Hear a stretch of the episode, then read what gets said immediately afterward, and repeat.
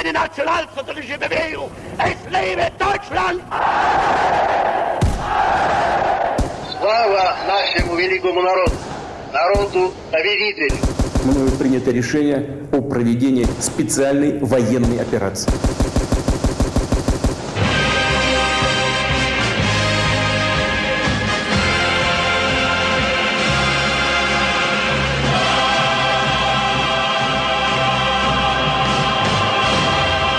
Diktaatorid.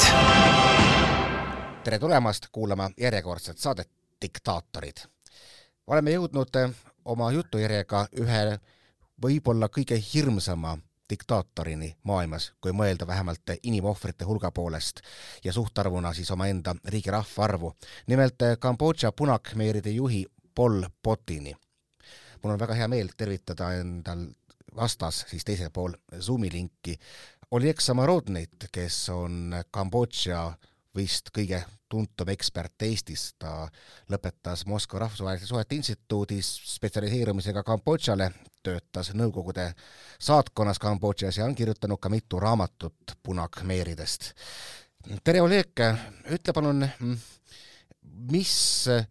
võimaldas sellisel inimesel, kes, no ütleme, kui me mõtleme praegu mingeid märksõnu, kes lõi, lõi linnadeta ühiskonna, kes äh, põhimõtteliselt äh, hävitas võib-olla kolmandiku oma rahvast, mis võimaldas sellisel inimesel kõigepealt üldse Kambodžas võimule tulla? no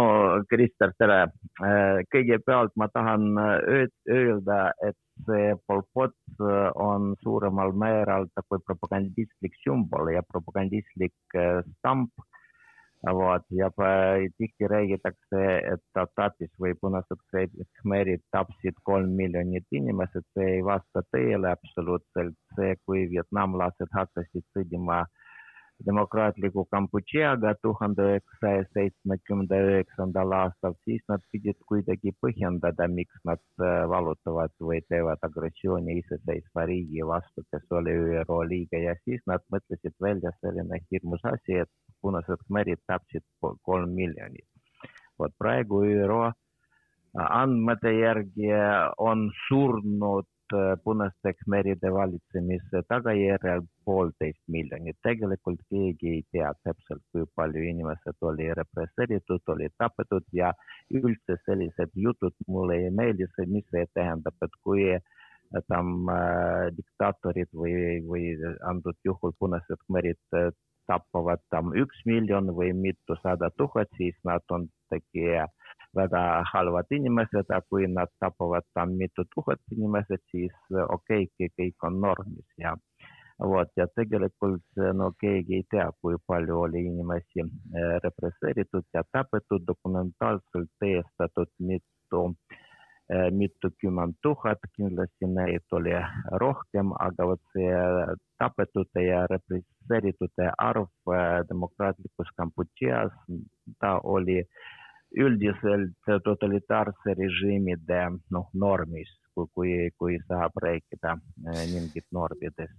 aga ikkagi räägime siis sellest Pol Poti valitsemisajast et ja. jällegi, kui me võtame kõik needsamad noh, tuntud märksõnad, nagu ma ka nimetasin, siis no üks asi oli linnadeta ühiskond. ma saan aru, et põhimõtteliselt ikkagi see vastab tõele, et linnad suurel määral inimestest tühjendati. mis oli põhjendus, kuidas see käis? no ja linnad tühjendati ja kõigepealt see puudutab Phnom Penhi pealinn vot ja seal olid mõned väga praktiliselt asju, sest enne sõda Phnom Penis elas viissada tuhat inimest, et sõja ajal seal tuli väga palju, poolteist miljonit põgenikud, siis inimeste arv oli kaks miljonit või isegi rohkem. ja kõik see mass sõi riisi, mis Ameerika sõjalennukiga toodi Phnom Penis, kui, kui punased khmerid võtsid võimu riigis, siis nendel ei olnud võimalus toitlustada nii, nii suur mass ja siis nad ütlesid, et see kõik, kogu see mass peab liiguma tagasi, kust nad tulid, no kus nad põgenesid maapiirkondadesse. vot ja see üks asi, teine asi, et ikka linnas oli niisugune vaenlik elanikkond Punaste Khmeride suhtes, no linna elanikud, et neutraliseerida võimalikku kontrrevolutsiooni, kontrrevolutsiooni tegevus, siis otsustati, et kõik need kahtlased elemendid viiakse maale. Ja kolmas väga tähtis aspekt oli puht ideoloogiline et punased khmerid rääkisid, et see laieneb tsivilisatsioon, ta hävitab khmeride traditsiooniline elustiil, ta hävitab khmeride traditsioonilised eluväärtused ja sellepärast vot kõik see rikutud linnaelanikud peavad elama maal, kus on maarahvaga, nagu taastatakse nende tõelised eluväärtused, mis vastavad nagu Khmeri traditsioonidele. noh, kui ma olen lugenud, siis need tingimused, kuhu sattusid linnaelanikud, kes ei olnud võib-olla varem maatööd üldse teinud, olid ikkagi päris karmid, üsnagi nagu võrreldavad siis ka võib-olla sellega, kuhu sattusid meie küüditatud ei no seal asi on selles, et demokraatlikus Kambodžas olid head kohad ja olid pahad kohad ja olid see põhi, põhi, põllumajanduse kommuunid, kus elu, elutingimused olid normaalsed ja olid kommuunid, kus elutingimused olid väga halvad ja suuremal määral see sõltus sellest, milline juhtkond oli kommuunas. seal kommuuniga juhtisid kolm inimesed, esimees ja kaks asetäitja. siin on vaja rõhutada, et kui me räägime kommuunidest, siis arva, et see mingit väike seltskond. tegelikult need kommuunid olid keskmiselt kuskil viis kuni kümme tuhat inimesed, mitu äh, küla. vot. ja siis äh, ma ütlesin, et olid pahad kohad ja olid, olid head kohad ja siis vot see kommuunide juhtkond, vot see troika, see ei olnud mingid niisuguse poliitiliselt ja ideoloogilised töötajad Punaste Khmeride äh, ridades. tavaliselt reeglina see oli kohalikud inimesed, keda vot see kommuuni liikmed valisid oma äh, esimeseks oma juhtideks. vot ja siis vot kui rääkida repressioonidest, siis, siis siin on niisugune väga huvitav asi, et kui vot see kommuuni juhtkond töötab hästi ja no näiteks kaevati mingit kraavi, kus vett voolab see riisipõldudele ja kõik on rahul, saavad hea saaki ja jagavad see riisi kommuunide liikmete vahel, mõned osa annavad riigile ja kõik, kõik läheb hästi.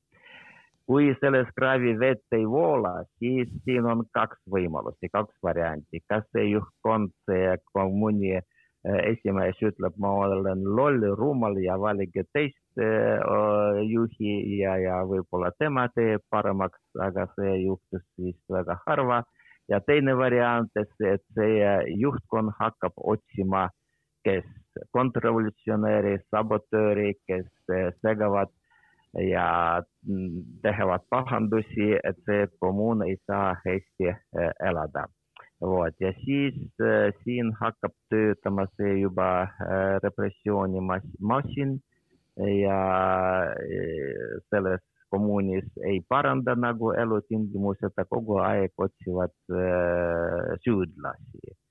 kes on niisugused agendid ja kontrrevolutsionäärid ja teevad sabotaaži. ja tegelikult suurem osa inimesi, kes oli äh, tapetud demokraatlikus Kambodžas, ei olnud tapetud just nagu punaste khmeride repressiooniaparaadi töötajatega, aga, aga no väga palju olid omad inimesed seal vot kommuunis, kes elasid koos palju aastaid varem ma tahtsingi sinna jõuda, et me oleme noh, lugenud ja, ja ka näinud ka dokumentaalfilmidest ikka selliseid päris jubedaid kirjeldusi, kuidas noh, inimesi tapeti labidatega, kuidas, kuidas käis, ma hiljuti sattusin vaatama ühte dokumentaalfilmi, kus rääkis endine timukas, kes lõikas inimestel kõrisid läbi, nii et nagu ta kurtis, et vot käsi väsis ära. et kui palju oli see üldse nagu ülevalt poolt julgustatud selline erakordselt julm lähenemine no vot, vot äh, see, see on väga tähtis ja väga huvitav äh, asi, äh, mida sa küsid, sest vot no ma rääkisin inimestega, kes elasid seal kommuunides, kes elasid heades kohtades, kus oli kõik nagu korras ja mingit tapmisi ei olnud ja elasid halvades kohtades. siis ma küsisin, no okei okay,, vot see kommuun seal mitu tuhat inimest, kui suur see repressiivne aparaat oli seal Nad vastasid, et no oli nagu kohalik miliits või, või see no militsa, kohalik milits kuskil kümme-viisteist inimest ja tihti nendel ei olnud isegi relva. vot ja sellepärast vot mõned olid mõned juhtumid, kui nad tapsid inimese lihtsalt tam ükskõik mis asjadega, mis, mis, mis, mis, mis nendel käes oli ja siis ma küsisin, miks siis vot see mitu kümme, mitu tuhat inimesed ei, ei teinud vastupanu, sest see repressiivne aparaat seal kommuunis oli kuskil kümme-viisteist inimest ja, ja kommuunide liikmete arv oli mitu tuhat. vot ja siis äh,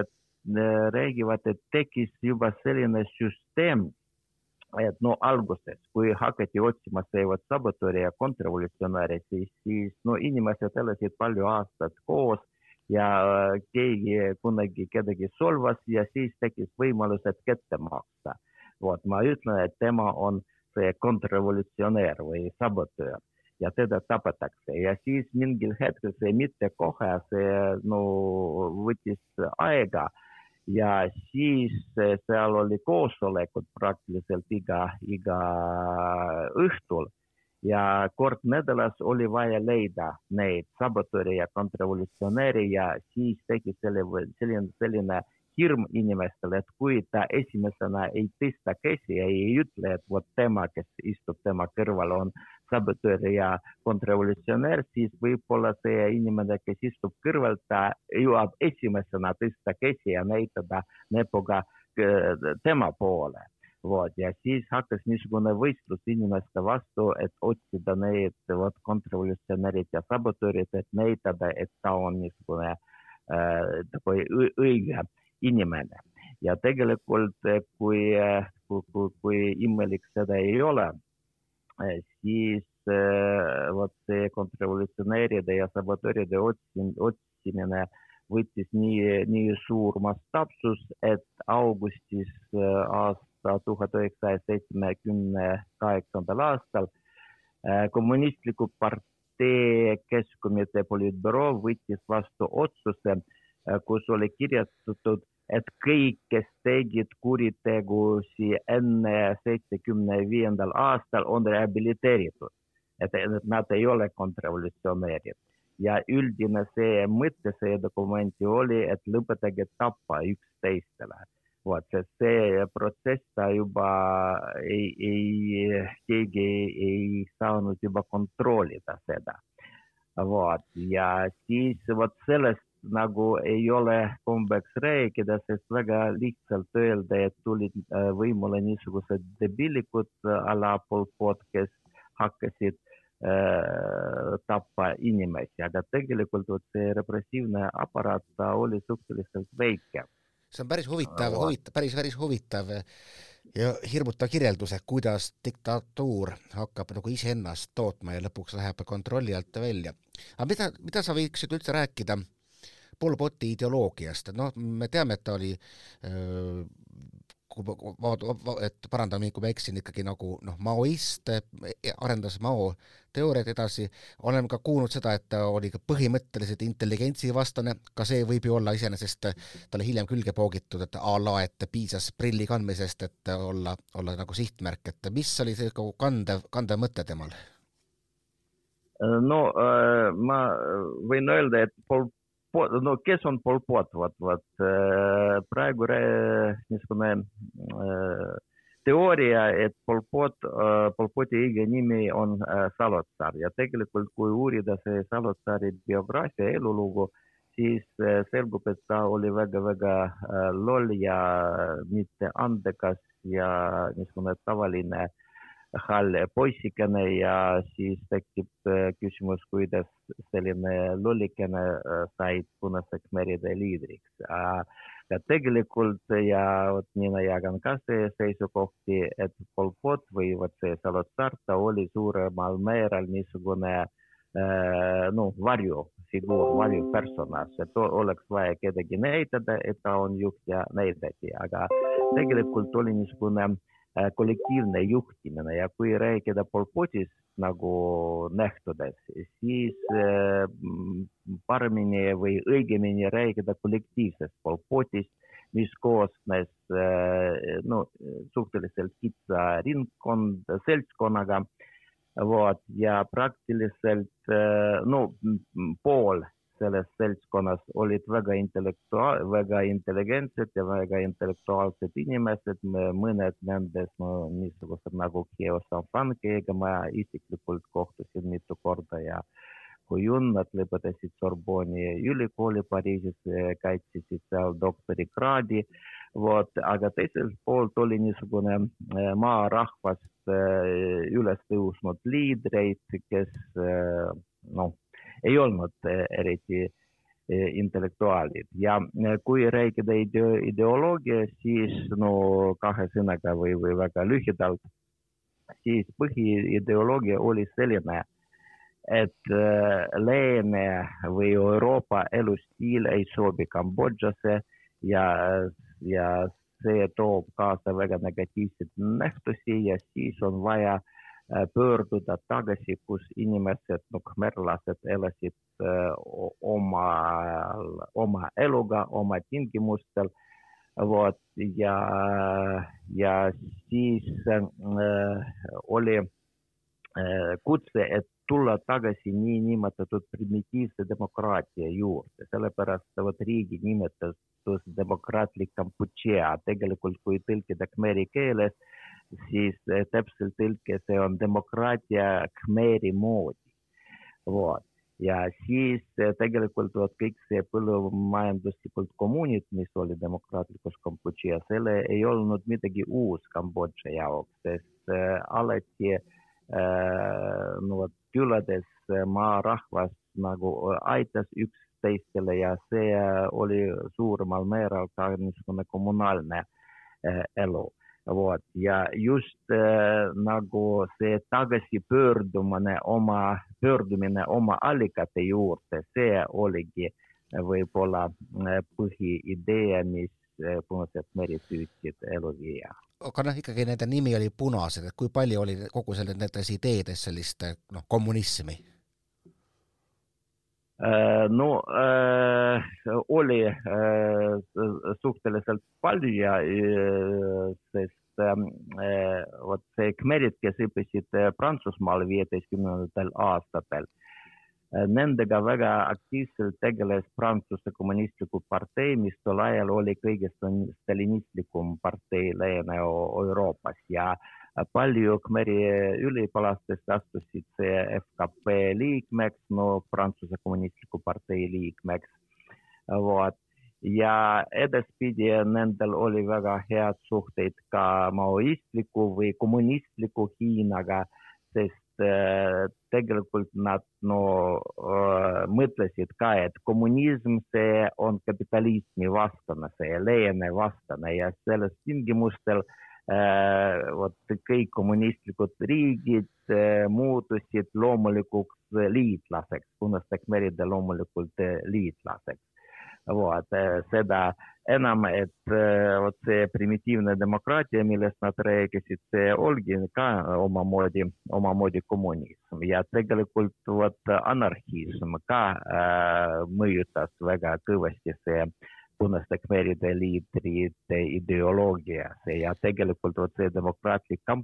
see mingil määral oli anarhistlik riik, sest kõrgvõimud nad ei olnud tugevad, no formaalselt oli valitsus, oli, oli seal parlament, oli riigi presiidium ja nii edasi, aga põhirõhk oli tehtud vot just kommuunidele, mitte ainult põllumajandustele kommuunidele, aga tootmiskommuunidele, sest iga tehas, iga vabrik oli oma eraldiseisev kommuun ja siis tulevikus pidi, et see kõrgvõimu organite tähendus no, viiakse kuskil nullilähedane, aga siis kogu riik koosneb vot sellistest kommuunidest, kes tegutsevad autonoomselt ja mingil määral oma, oma, omavahel suhtlevad. Ja ja muidu see Punaste Khmeride selliste organisatsiooni ei ole olnud kunagi, oli kommunistlik partei, Kambodža kommunistlik partei ja Punased Khmerid hakkasid neid nimetada see, see kuuekümnendate aastate alguses tollane Kambodža juht Sihanouk, ta nimetas kõik inimesi, kes oli vasakpoolsed punased khmerideks, sellepärast et hakati neid nimetada punaseks meredeks. et ma saan aru, et, et tegelikult on see üks ühiskond, mis jõudis vaata et kõige kaugemale nagu proovida ära kommunismi, et nad ju kaotasid vist ka raha päriselt ära. vot ja vot see raha kaotamises, see Kambodža jaoks ka ei ole midagi erilist, sest no vot äh, oli Angkori impeerium, see kus Angkor oli pealinn. Ja see oli suur riik, kes hõimas praktiliselt peaaegu kogu Indohiina poolsaare. Ja seal Angkori impeeriumis raha ei olnud. tegelikult esimesed rahad toodi Kambodžasse ja hispaanlased ja vot praegune äh, Khmeri rahaühik riiel, see tegelikult vot Hispaania reaalis tuli see nimetus vot ja kui no ma rääkisin, et punased khmerid tahtsid nagu tagasi oma allikatesse, allikate juurde tulla, siis suur, suuremal määral võib leida väga palju paralleele Angkori impeeriumi vahel ja demokraatliku Kambodža vahel vahel ja siis äh, nad loobusid rahast, sest nad ütlesid, vot meie esivanemad Angkori impeeriumis äh, elasid ilma rahata, miks äh, me ei saa elada ilma rahata, sest kõik äh, pahad asjad, mis äh, tekivad inimeste elus äh,, nad äh, sõltuvad rahast. kui sul on palju raha, siis sa muutud ülbeks ja äh, ja vägivaldseks, kui sul raha ei ole, siis, siis sa elad niisuguse vilitsa, vilitsas elus ja siis lihtsalt on vaja seda likvideerida ja elada kuida, kui ilma rahata, kuidas meie esivanemad elasid. Niimoodi, aga räägime natukene nüüd ka siis Kambodža naabritest, noh, sa ütlesid, et võeti eeskuju kõigest, mis on kommunistlik, aga lõpuks oli kommunistlik Vietnam noh, kui, kui nii võib öelda, kes punakmeeride valitsemisele lõpu tegi, mis nagu, mis nende suhted Vietnamiga on, et kas Vietnam praegu võiks öelda, et oli okupatsioonivõim või ikkagi tõesti tuldi, tuldi ja tegelikult päästeti Kambodža rahvas kõige hullemast? no vot seal suhteid Punaste Khmeride ja Vietnam, Vietnami kommunistidega, see on ka oma äh, moodi keeruline lugu, sest ühelt poolt see Punased merid olid natsionalistid ja Vietnam ajalooliselt oli Kambodža vaenlane, teiseks poolt Vietnami kommunistid olid ikka äh, ikka mõttekaaslased ja tegelikult suhteid Punaste Khmeride ja Vietnami kommunistidega vahel olid, olid no päris normaalsed pika aastate jooksul. Ja kui muuhulgas, kui vietnamlased, Vietnami kommunistid said võidu Lõuna-Vietnamis, siis seal Lõuna-Vietnamis nad tegid no peaaegu sama, mis Punased Khmerid Kambodžas, sest Saigonist väga palju inimesed viidi niinimetatud ümberkasvatuste laagritesse ja, ja kõik see kommuunid, kolhoosid ja, ja, ja nii edasi ja suhted kahe riigi vahel olid päris normaalsed kuskil kaks aastat aastani seitsekümne seitsme aastani. ja miks nad rikkusid, sest vot see äh, Mekonga äh,, Mekongi ümber territooriumid seal Lõuna-Vietnamis, see äh, kunagi oli Khmeri maad ja, ja siis punased khmerid otsustasid, et on vaja taastada suur Kambodža ja siis äh, otsustasid, et alustavad äh, sellest, et sõdida Vietnamlas, Vietnamiga, et äh, saada tagasi see no praeguse Lõuna-Vietnami maad, kes tegelikult ajalooliselt on etniliselt khmeri maad. ja selles sõjas nendel oli liitlane kommunistlik Hiina, kes tol ajal hakkas ka nagu Vietnamile õppetundi anda, sest Vietnami, kommunistliku Vietnami liidrid hakkasid sõprustuma, sõprus arendada Nõukogude Liiduga tol ajal ja kommunistliku Hiina ja Nõukogude Liidu vahel suhted oli väga, väga halvad vot ja siis vot tekkis niisugune geopoliitiline äh, olukord, kus nagu demokraatlik Kambodži ja maoistlik, tol ajal veel maoistlik Hiina hakkasid nagu survestama Vietnami, aga nad ei võtnud arvesse, et tol ajal Vietnami armee oli väga tugev ja siis lõppude lõpuks vietnamlased otsustasid, et nad lihtsalt ründavad see demokraatlikku Kambodži ja äh, see režiimi ja teevad seal Kambodžas oma marionettvalitsus, kes oleks väga sõbralik nagu Vietnami suhtes. ma saan aru, et see ka praegu poliitiline olukord on taoline, et Kambodžas võimul olijad on suhteliselt nii-öelda Vietnami, no kas just ripatsid, aga sõbralikud no nad tasapisi hakkavad juba vananema ja vot need Kambodža juhid, aga tegelikult vot praegune Kambodža peaminister Hun Sen, kes on juba rohkem kui nelikümmend aastat peaminister, kui ma tulin esimest korda Kambodžasse kaheksakümne viiendal aastal, siis Hun Sen sain peaministriks ja, ja siis äh, kõik tollane Kambodža, Kambodža juhid, nad olid endised punased khmerid kõik. vot ja seesama Hun Sen, vot ja siis lihtsalt nad põgenesid Vietnami ja ja, ja, ja hakkasid nagu Vietnamiga koostööd teha ja kui rääkida praegu, siis jah, Vietnamiga suhted on väga hea, Hiinaga suhted on väga hea ja Hiina mõju seal Vietnam, no üldse Indo-Hiina riikides, Vietnamis, Laoses ja Kambodžas on väga, väga suur ja siis võib öelda, et praegu Vietnamis ja Kambodžas ehitatakse samasugune riigimudel nagu Hiinas, vaatamata sellesse, et Kambodžas on olemas kõik formaalselt demokraatia tunnustused. Nii, aga vaatame, mis siis sai Pol Potist edasi, tulid sisse invasiooniväed, taganes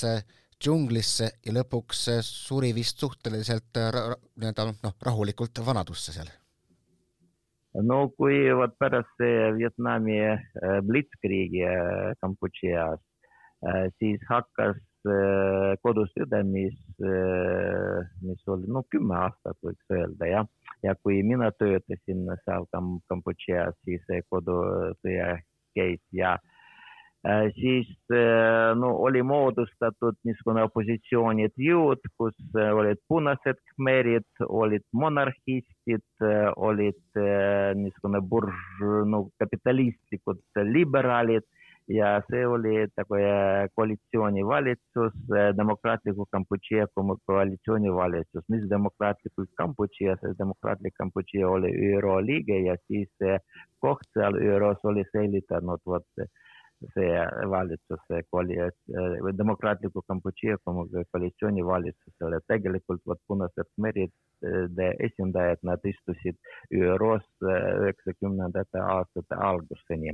ja tol ajal hakkas, no vot äh, olid partisaaniarmee kus nagu põhijõud olid punased khmerid ja see partisaaniarmee sai relvad ja sõjalist abi Hiinast, aga ka Läänemeriikides kõigepealt USA-st ja Suurbritannias, no Austraalias ja teistes riikides, sest no see tol ajal punased khmerid, nad nagu võitlesid vot Vietnami hegemonismi vastu ja seda enam, et nad hakkasid tasapisi rääkida, et nad loobuvad kommunismist, sest praeguse põlvkonna ajal nad ei saa ehitada kommunismi Kambodžas, siis nad muutuvad niisugune sotsiaaldemokraatlikuks erakonnaks ja üheksakümnendate alguses hakkas ÜRO rahumissioon Kambodžas kõige suurem ja kõige mastaapne ja seal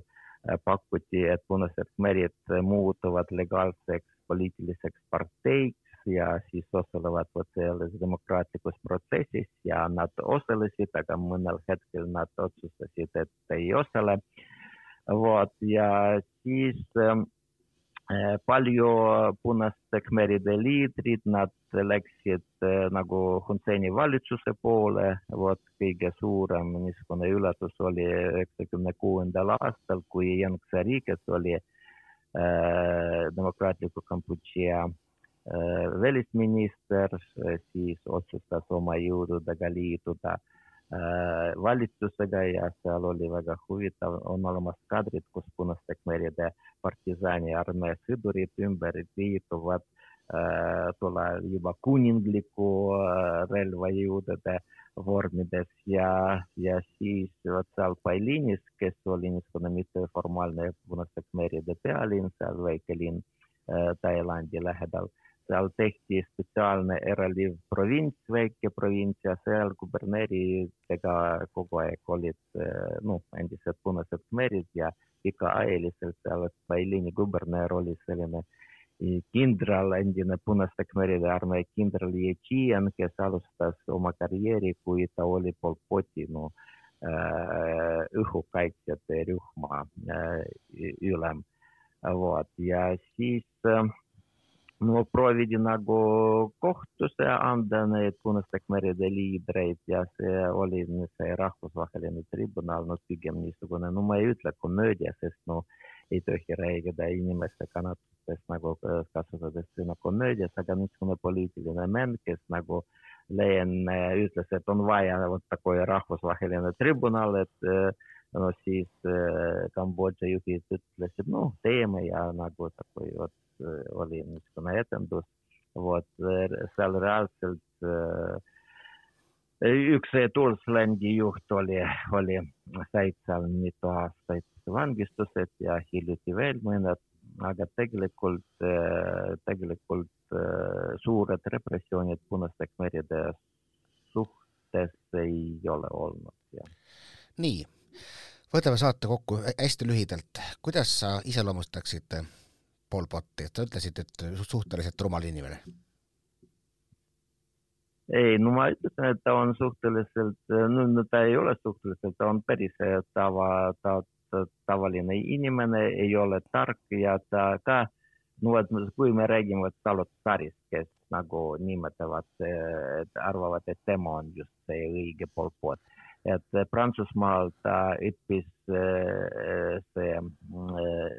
no elekt-, elektrikukoolis ja ei saanud isegi see elektrikukooli lõpetada. vot ja tuli ta tagasi Kambodžasse ja tal olnud kogu aeg niisugused pereprobleemid, no takoi probleemne mees oli. ja ma ütlen, et asi, probleem ei ole vot selles Salotsaris, kes, keda nimetatakse Polpoodis, probleem võib olla selles seltskonnas, kollektiivses Polpoodis, kes jäi nagu varjus ja, ja siis probleem võib olla selles, kuidas need kommunistlikud või ideed mõjutavad suurtele massidele. vot ja siis no arvavad tihti, et vot kui, kui vot Pol Pot ei olnud või Salotsarit ei olnud, siis need julmusi ei olnud, aga see on minu meelest väga vale, sest ükskõik, kes oli nagu punaste khmeride eesotsas, see ideoloogia, mis nad nagu püüdsid ellu viia, nad lõppude lõpuks viis vot kõik nendele julmustele, mis toimus ja tapeti mitte ainult no tavaliselt inimesed, niisugune pseudosabotoorid või pseudokontravolutsionäärid, aga väga palju punaste khmeride kaadrid olid tapetud. vaat siis selline julm ideoloogia, mis kõiki asju kandis.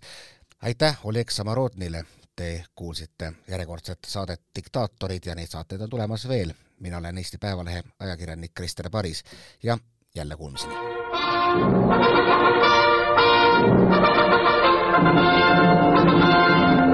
Es lebe die nationalsozialistische Bewegung! Es lebe Deutschland! Слава нашему великому народу, Народу-победителю. Мною принято решение о проведении специальной военной операции.